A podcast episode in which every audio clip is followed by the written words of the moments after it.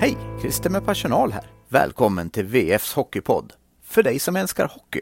Det blir snabba puckar, heta nyheter och proffsig leverans. Ungefär som på ICA Maxis nätbutik på Bergvik. Här kommer VF Hockey, veckans FBK-lag.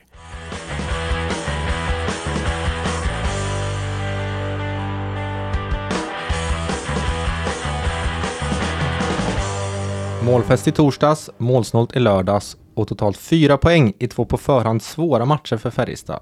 En fullt godkänd FBK-vecka, eller vad säger du Simon Hennix? Det får man väl säga att det var. Eh, Luleå har ju varit erkänt svåra här mot eh, Färjestad och att de plockat tre poäng ganska enkelt mot dem var ju starkt och sen vet man ju Frölundas form på hemmaplan och rivaliteten däremellan att det inte alltid är lätt att plocka poäng i eh, Skandinavien.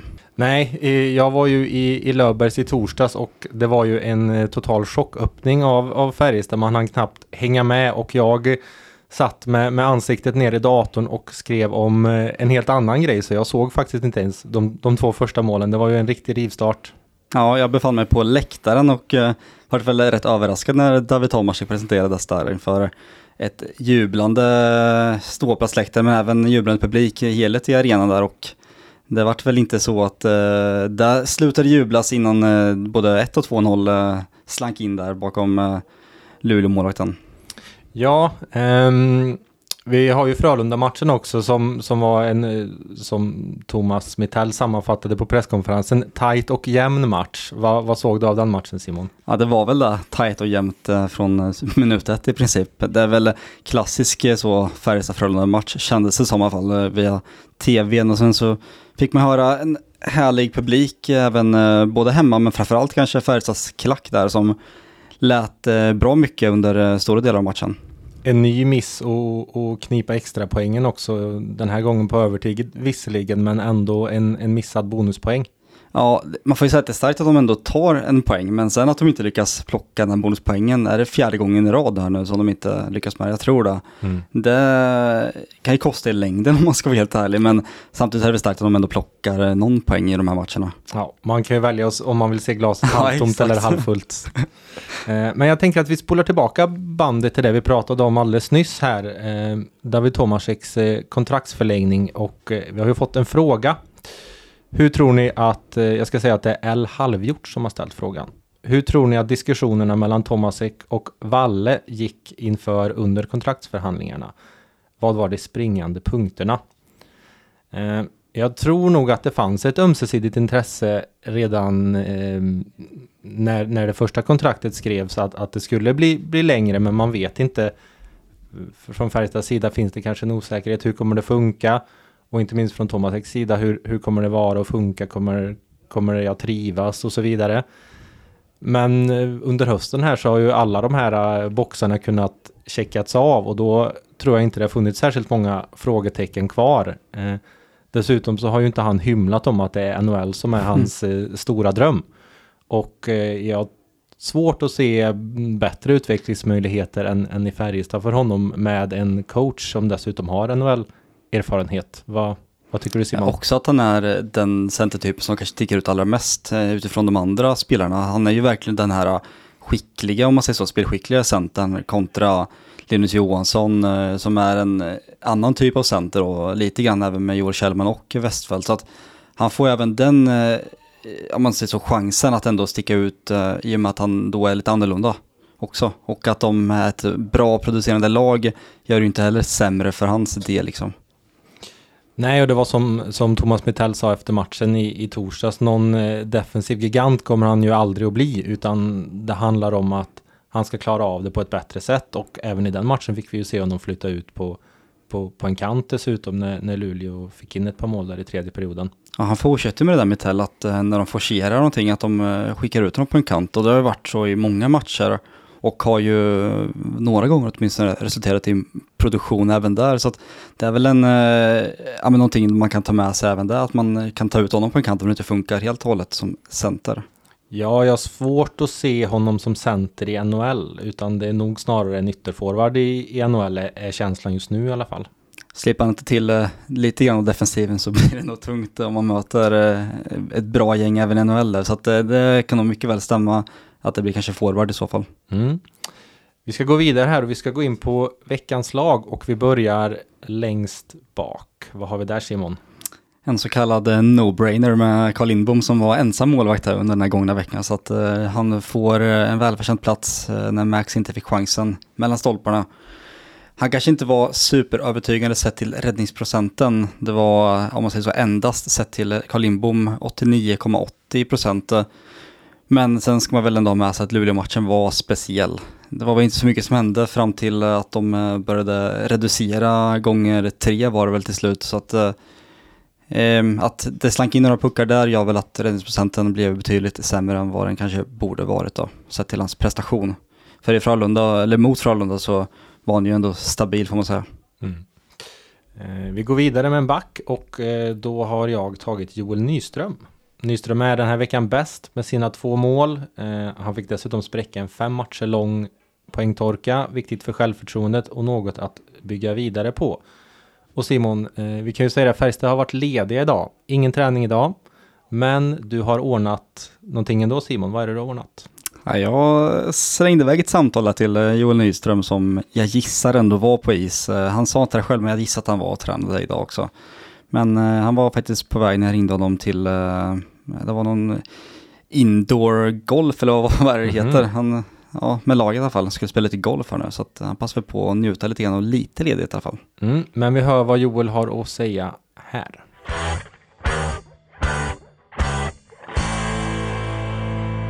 Vad har du för känsla här nu med dig då, eh, in på landslagsuppehållet som är just nu? Eh, nej, men ändå en bra känsla. Eh, även fast vi, vi förlorade sista mot Frölunda här så, så har vi gjort en väldigt bra start på serien tycker jag. Eh, plockar mycket poäng och eh, ja, vi är serieledare. Så jag har en bra känsla och, och, och går in i det här uppehållet med. Och att man kan ja, men, fortsätta träna på och slipa lite detaljer och, och förhoppningsvis komma tillbaka som ett ännu bättre lag efter uppehållet. Ledig isträning idag sades det. Hur kommer resterande av veckan eh, se ut för er? Eh, ja, men vi tränar eh, tisdag till fredag, tror jag att det är. Och då kommer vi väl köra på hårt, tror jag. Det brukar väl vara lite hårdare nu när det är uppehåll. Så, och sen spelar vi väl tisdagen igen där i, i CHL. Det blir väl en eh, kombination av att träna på hårt, eh, men även ja, men börja förbereda sig för ett slutspel, slutspel i CHL. Ja. Så det blir inte supermycket vila med andra ord för er? Nej, det blir väl inte. Men det är väl eh, CHL-matcherna ser jag fram emot faktiskt. Ja. Eh, det, och gå in i ett slutspel, det är ju det man har längtat efter. När man själv inte är med på de här landslagsuttagningarna så, vad tycker man själv som spelare om eh, att det är lite uppehåll så här?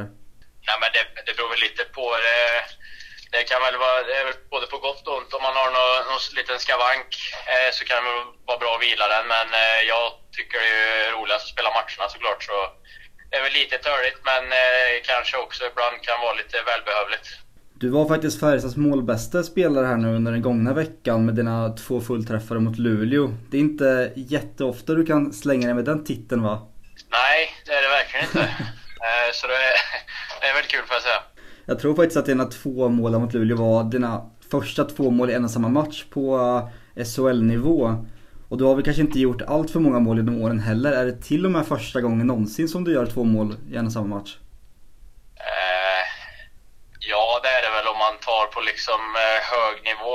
Eh, två mål i samma match kanske jag gjorde i U14 eller någonting sånt. Mm. Eh, men eh, ja, det var, det var kul att få göra mål. Det var väl lite slumpmål får man väl ändå säga, men eh, det var väl skönt såklart. I fjol, om vi tittar där, så snittar du ungefär, eller lite drygt 0,5 insläppta mål per match. Och eh, tittar vi i år på dina 16 inledande matcher så har du endast släppt in tre mål. Vad skulle du säga är den stora skillnaden om du jämför i fjol med i år kontra, ja men in, i den aspekten så? Eh, oj. Ja men alltså, defensivt har, jag, det har jag jobbat mycket på. Eh, och och försöka göra det bättre i, i sarghörnen och kunna få stopp i spelet. Eh, och det är någonting som jag fortfarande jobbar med, som jag vill bli bättre på. Men sen tycker jag ändå att det har känts eh, ja, men stabilt i, i spelet eh, över hela banan. Men sen kanske jag önskar att få ut lite mer av min, min offensiva spelstil. Men det är väl, eh, ja men laget har gått bra och, och, och, då är jag väldigt nöjd liksom. Vad tycker du att du har tagit störst kliv i om du jämför med ett år tillbaka? Ja, men det är väl just att jag har lagt på mig mer muskler eh, och, och, kan, eh, kan få stopp i spelet på ett, på ett bättre sätt. Men sen så vet jag att det, det, ju, det behövs eh, ännu mer för att eh, ja, men, det är det jag behöver bli bättre på egentligen skulle jag säga. Men som jag sa så tycker jag det har blivit bättre i just det, den delen av spelet. Och eh, avslutningsvis här nu då. Eh, vilken medspelare förtjänar en plats i eh, veckans FBK-lag? Många som har varit bra tycker jag. Min backpartner har gjort det bra tycker jag, som åker iväg på landslag nu. Eh, så han, eh, han skulle jag säga förtjänar en plats. Upptäck ett fulladdat erbjudande på Kia Ceed Sportswagen Plug-in Hybrid. En säker och laddbar familjekombi med uppkopplade tjänster. Dessutom ingår bland annat metalliclack, rattvärme, navigation och telematik som standard i alla nya Kia-bilar. Välkommen in och provkör en laddbar Kia.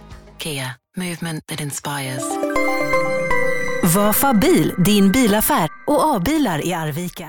Joels eh, hyllning här tar oss vidare till eh, nästa pjäs i veckans FBK-lag. Vad hittar vi Simon?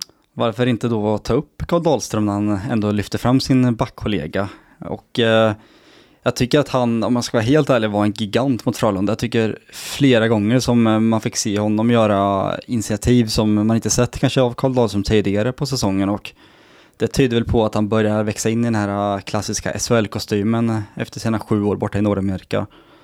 Och ja, två assist mot Luleå är inte heller illa pinkat om man är en eh, så kallad defensiv back. Så att eh, han verkar ändå steppa upp mer och mer och med vem vet med ett landslagsuppehåll nu där han får några matcher i kroppen kan säkert stärka honom ytterligare skulle jag gissa. Mm, och vi har fått en fråga om Dahlström från Kristoff Göffry.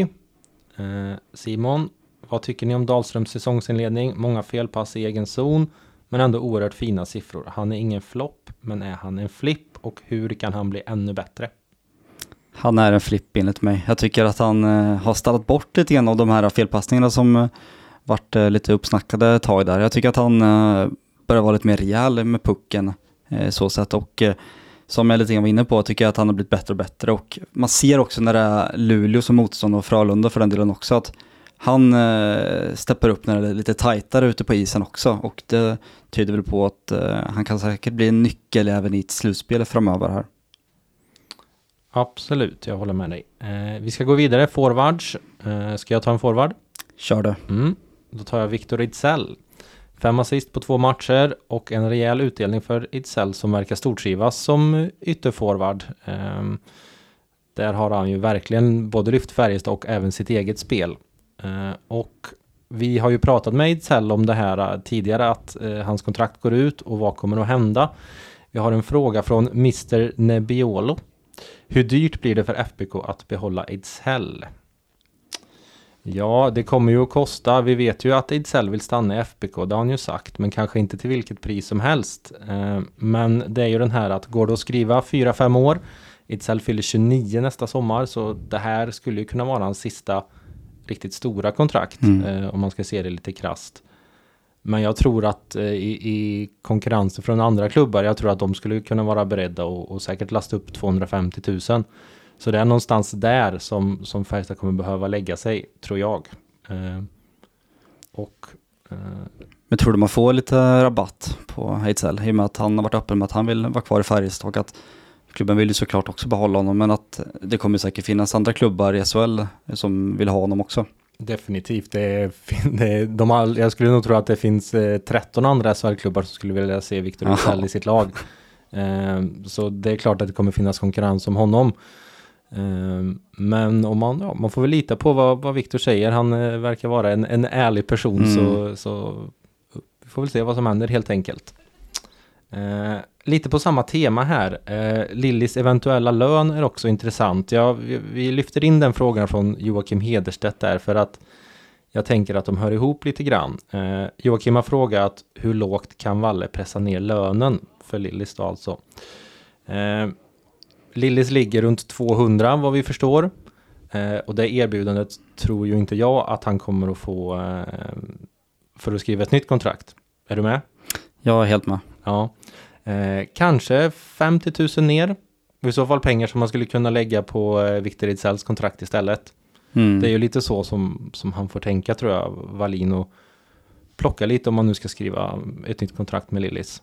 Och det är också så att Lillis hade ju omöjligt haft, då in, du är inne på 150 000 med andra ord då eller? Någonting sånt. Och det hade han aldrig haft innan han är SHL-klubb, förmodligen. Men det är ju just Nej, det här men- med hemmarabatten Ja, som gör att det är möjligt just i Färjestad och det är väl en fördel som man har lite grann när man har de här typen av spelarna som vill vara hemma i Färjestad och att de även producerar på isen dessutom. Mm. Och Wallin, om, om man har lärt sig en sak så är det att han, han verkar inte gilla att ge sig in i några galna budkrig och, och sådär om, om spelare. Nej, det fick man ju se med Ramelli där, när de eh, lämnade den budgivningen efter att den stack upp över 300 000 som det ryktades om. Mm. Vi går vidare, Simon. Äntligen, tror jag Oskar Lavner tänkte, när han fick se pucken glida in bakom eh, Lasse Johansson mot Frölunda. Man får, väl- man får ändå säga att det var rätt välförtjänt att han äntligen fick göra sitt mål efter det hårda jobbet han har lagt ner under säsongsupptakten här.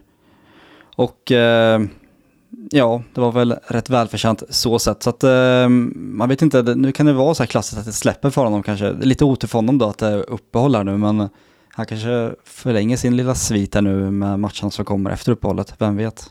Jag tyckte det syntes väldigt väl hur skönt han tyckte det var att göra det där målet. Ja, han skrek ut någon glädje så att, ehm, ja det, man får ju förstå det också. Som han också fått Mm. frågor om det där, att det har inte lossnat hit och dit, trots att han har presterat bra på isen, att äntligen kunna få säga att nu är målskytt i år också. Det måste ändå vara rätt skönt att veta liksom. Ja, och sen är ju det här med att jag tror att hans egna förväntningar på produktion har ökat på samma sätt som lite grann från omvärlden också. Att man, man förväntar sig att kanske Oskar Lavner ska bidra lite mer med, med poäng nu.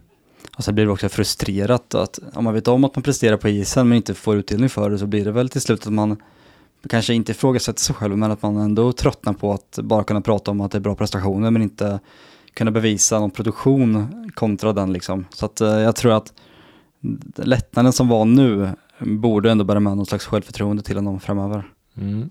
Vi har en eh, sista gubbe och kanske betoning på gubbe då. Eh, per Åslund. Jag tycker att han har eh, haft en jättefin vecka och framför allt så det som har fastnat för mig var det här som väldigt, väldigt signifikativt för Per Åslund. Det här eh, forecheckingen han gör mot Luleå, vinner pucken och petar den till Tomasek som kan åka in framför mål och eh, lirka in den. Det är ju typiskt Per Åslund skulle jag säga. Ja, men han har väl inte gjort en dålig match sen han, eh, han hade ju en liten svacka där i början när han kom tillbaka såklart. Men eh, sen han började producera för första gången den här säsongen har de inte haft en dålig match sen dess i princip. Inte vad jag har märkt i alla fall. Nej, jag måste säga att jag är... Man, man borde ju sluta förvånas över eh, Per Åslund vid det här, vid det här eh, laget, men eh, definitivt så har han nog producerat eh, och varit något bättre än vad man kunde förvänta sig efter den ändå ganska jobbiga och svåra skadan han faktiskt hade. Och sen eh, han har väl en förmåga att alltid också producera lite grann varannan säsong här. Känns som att han, eh, om man tar tillbaka på 19-20 säsongen så gjorde han ju 41 poäng. Och sen så säsongen efter var det bara, måste säga, 28. Följt av 35, sen bara 18. Och nu har han producerat igen mycket, 12 på 14 matcher. Så att eh, han är ju en liten varannan säsong. Sen får man ju ta med kanske att det har varit skador då och då också. Men om man ska följa den lilla trenden så kommer han ju vara poängstark även i år då. Ja, vi går vidare och eh, veckans utropstecken. Apropå poängstark så var backarna ganska poängstarka under den gångna veckan. Eh, endast två backar som inte noterades för poäng mot Luleå och Frölunda. Det var Jeremy Grolo och eh, August Thornberg som blev poänglösa. Annars så sex av åtta mål gjordes av just backarna och det är sällan man kanske kan eh, noteras för något sånt i och med att ja, forwards ofta i Färjestad har producerat poäng i många år. Mm, jag frågade ju både Thomas Bulan Berglund och Thomas Mittell om det här efter Luleå-matchen och eh, Bulan var ju jag tror att eh, de flesta kan tänka sig ungefär eh, i vilket, eh, på vilket humör Bulan var efter den här matchen. Hans enda svar var på frågan, ja våra forwards var dåliga och Färjestads backar var bra. och sen så avslutade han presskonferensen mer eller mindre på egen hand. Ja, klassiskt Bulan då. Ja. Eh, vi går vidare. Frågetecken och eh, lite återkommande tema. Nu är det tillbaka igen. Powerplay. Kanske ingen katastrof totalt sett, men 13,33 procent senaste fem matcherna. Två mål på 15 försök och det speglar väl lite grann resultatet med straffförluster i, i jämna matcher som gått till övertid eh, där de kanske hade kunnat avgöra istället. Eh, så efter en lite bättre period så tycker jag att det här frågetecknet eh, kommer tillbaka lite grann åtminstone.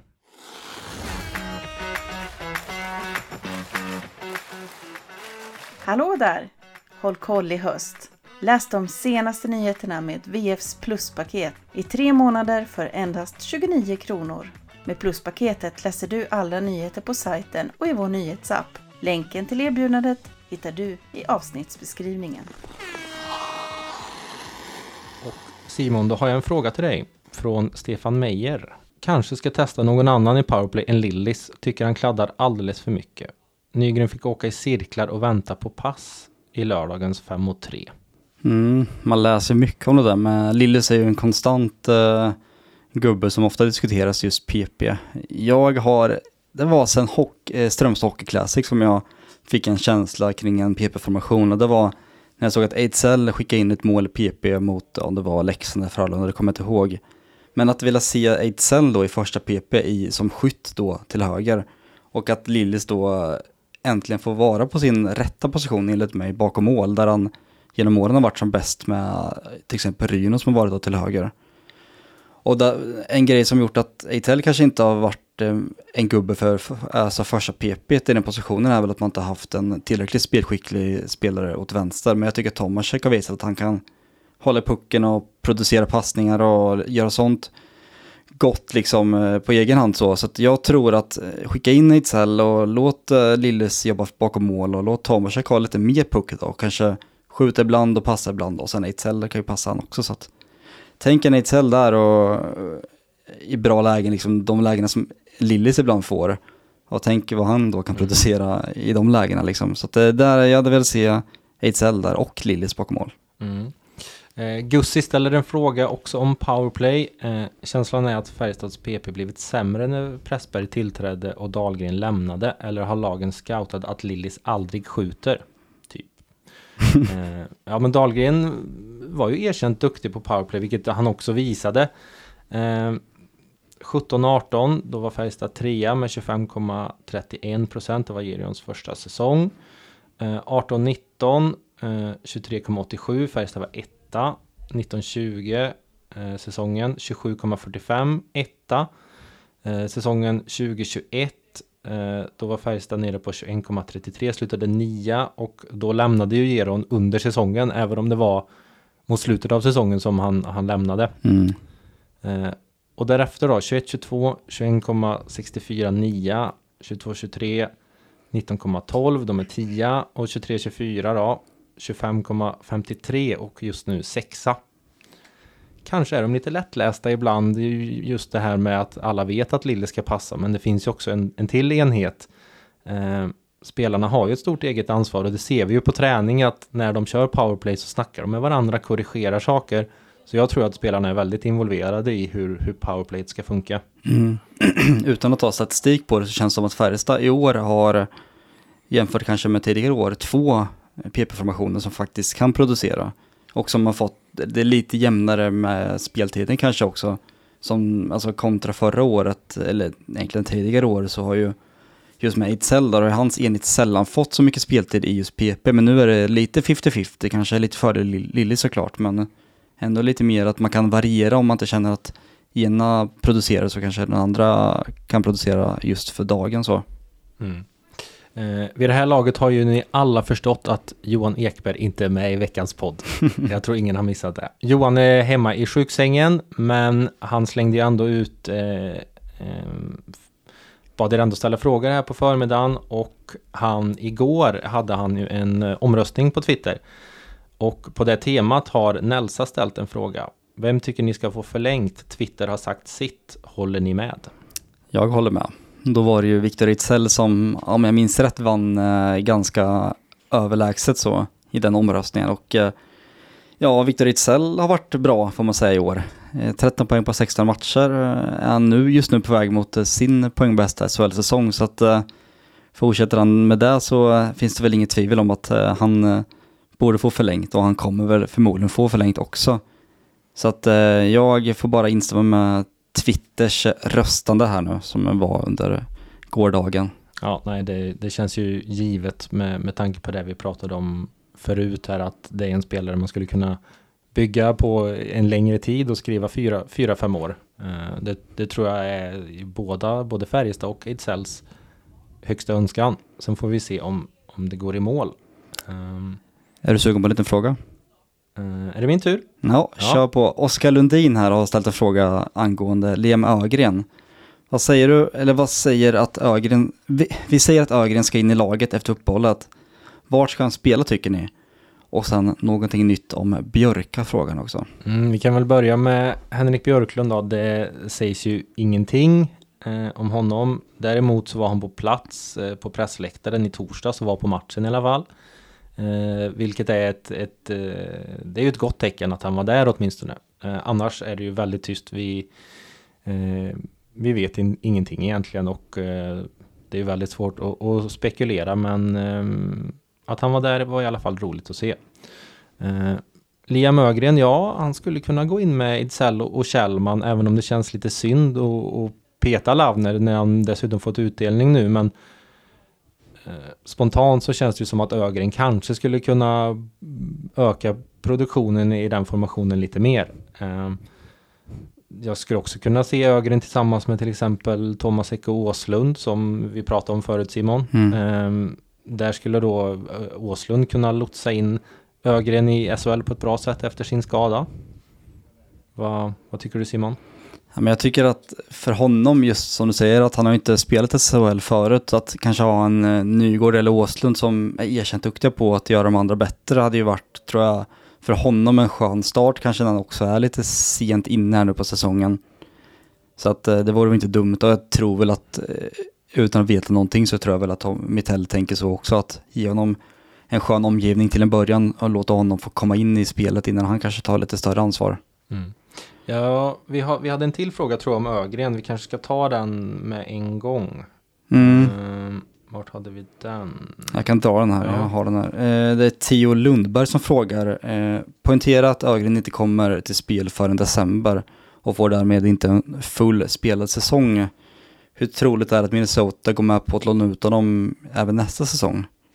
Eh, där han förhoppningsvis då är frisk. Och sen frågan om det kanske är mer ett önsketänkande Ja, jag tror att eh, planen är glasklar att han ska, han ska försöka slå sig in där nästa säsong och det blir troligtvis AHL.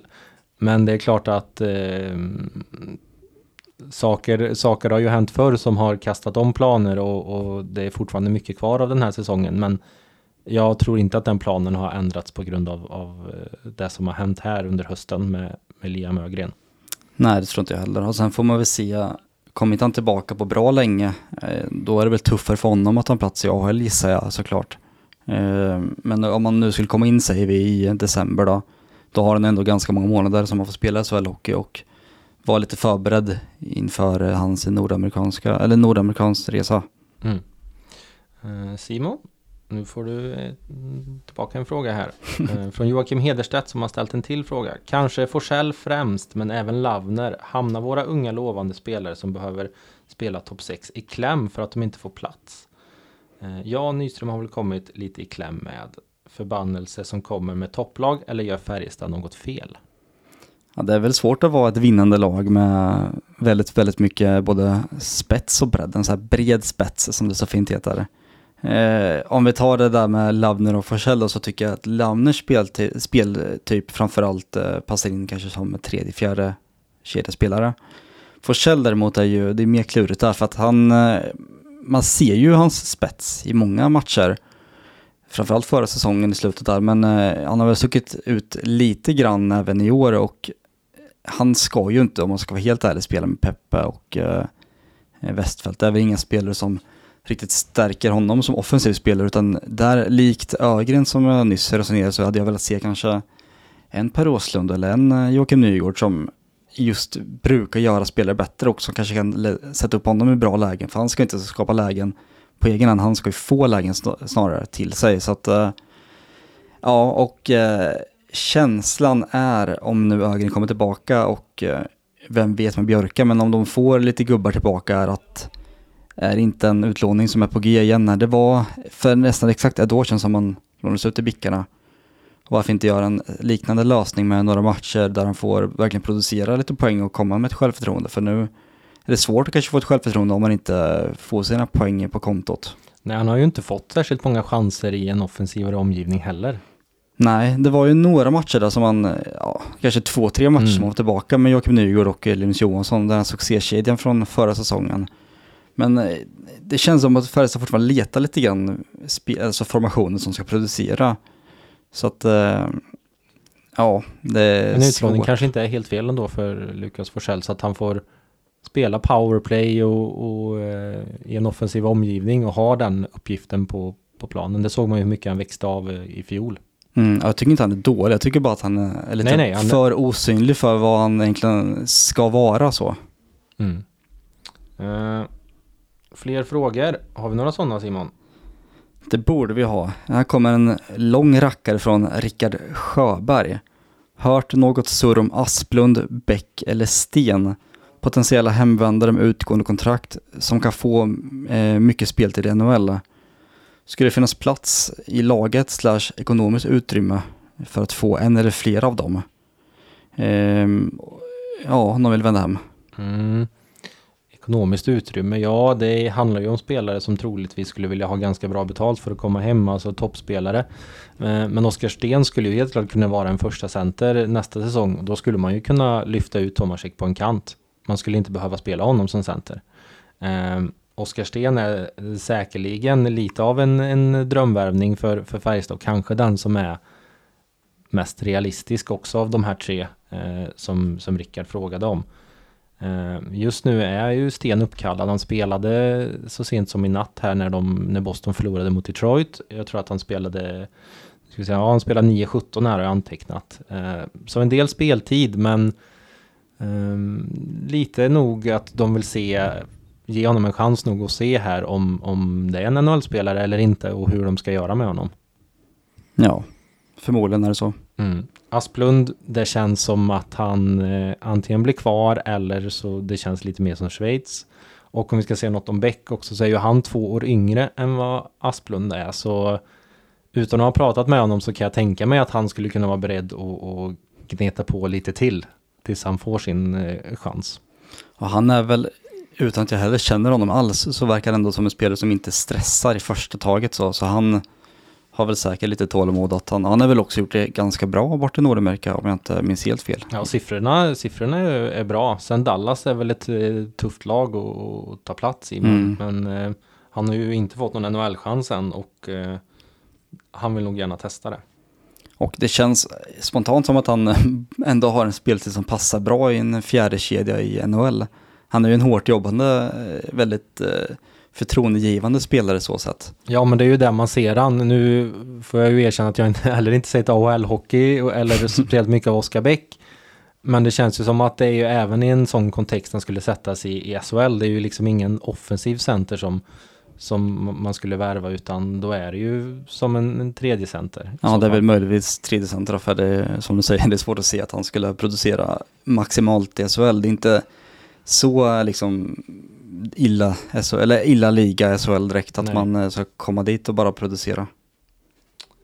Uh, veckan som kommer, nej det är landslagsuppehåll, vi har inga matcher. Nej, precis. ja, men vi har en fråga som handlar om eh, landslaget eh, och den får du av mig Simon. Hur tror ni landslagsuppehållet påverkar laget? Sex stycken som inte får vila, träna som de behöver och resten av laget som tappar sex toppgubbar på träningen och inte kan träna med ordinarie formationer, varken 5 mot 5 eller powerplay boxplay. Ja, alltså så här är det för alla lag, alla år. Eh, även fast Färjestad kanske sticker ut med sina sex eh, landslagsspelare så är man ju van med det här. Alltså, och det är väl inte så mycket taktik och sånt som eh, kanske övas under de här uppehållen, utan det är väl snarare att man stärker kropparna på något sätt och ofta ökar träningen kanske för att orka längre under serien. Så jag tror inte att det kommer påverka särskilt mycket och det är väl kul för de spelarna att få lite landslagsspel också. Ja, men de brukar ju lägga in lite, lite tester och sånt där som mm. de som gör på is för att kontrollera hur de ligger till. Men det är klart att i en perfekt värld så hade man kunnat träna jättehårt tillsammans eh, och, så vidare. Men den andra vågskålen att eh, ja, men det är säkert roligt för killarna att komma iväg lite grann och, och komma utanför vardagen och, och, hitta motivation på, på andra håll också.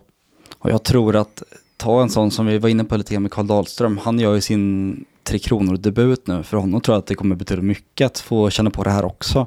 Och som man säkert kan ta med sig liksom till sitt SHL-spel i Färjestad sen också. Så det kan även lyfta spelare eh, som eh, dels har haft det tyngre men vi gjort det bra tidigare att bli ännu bättre. Mm.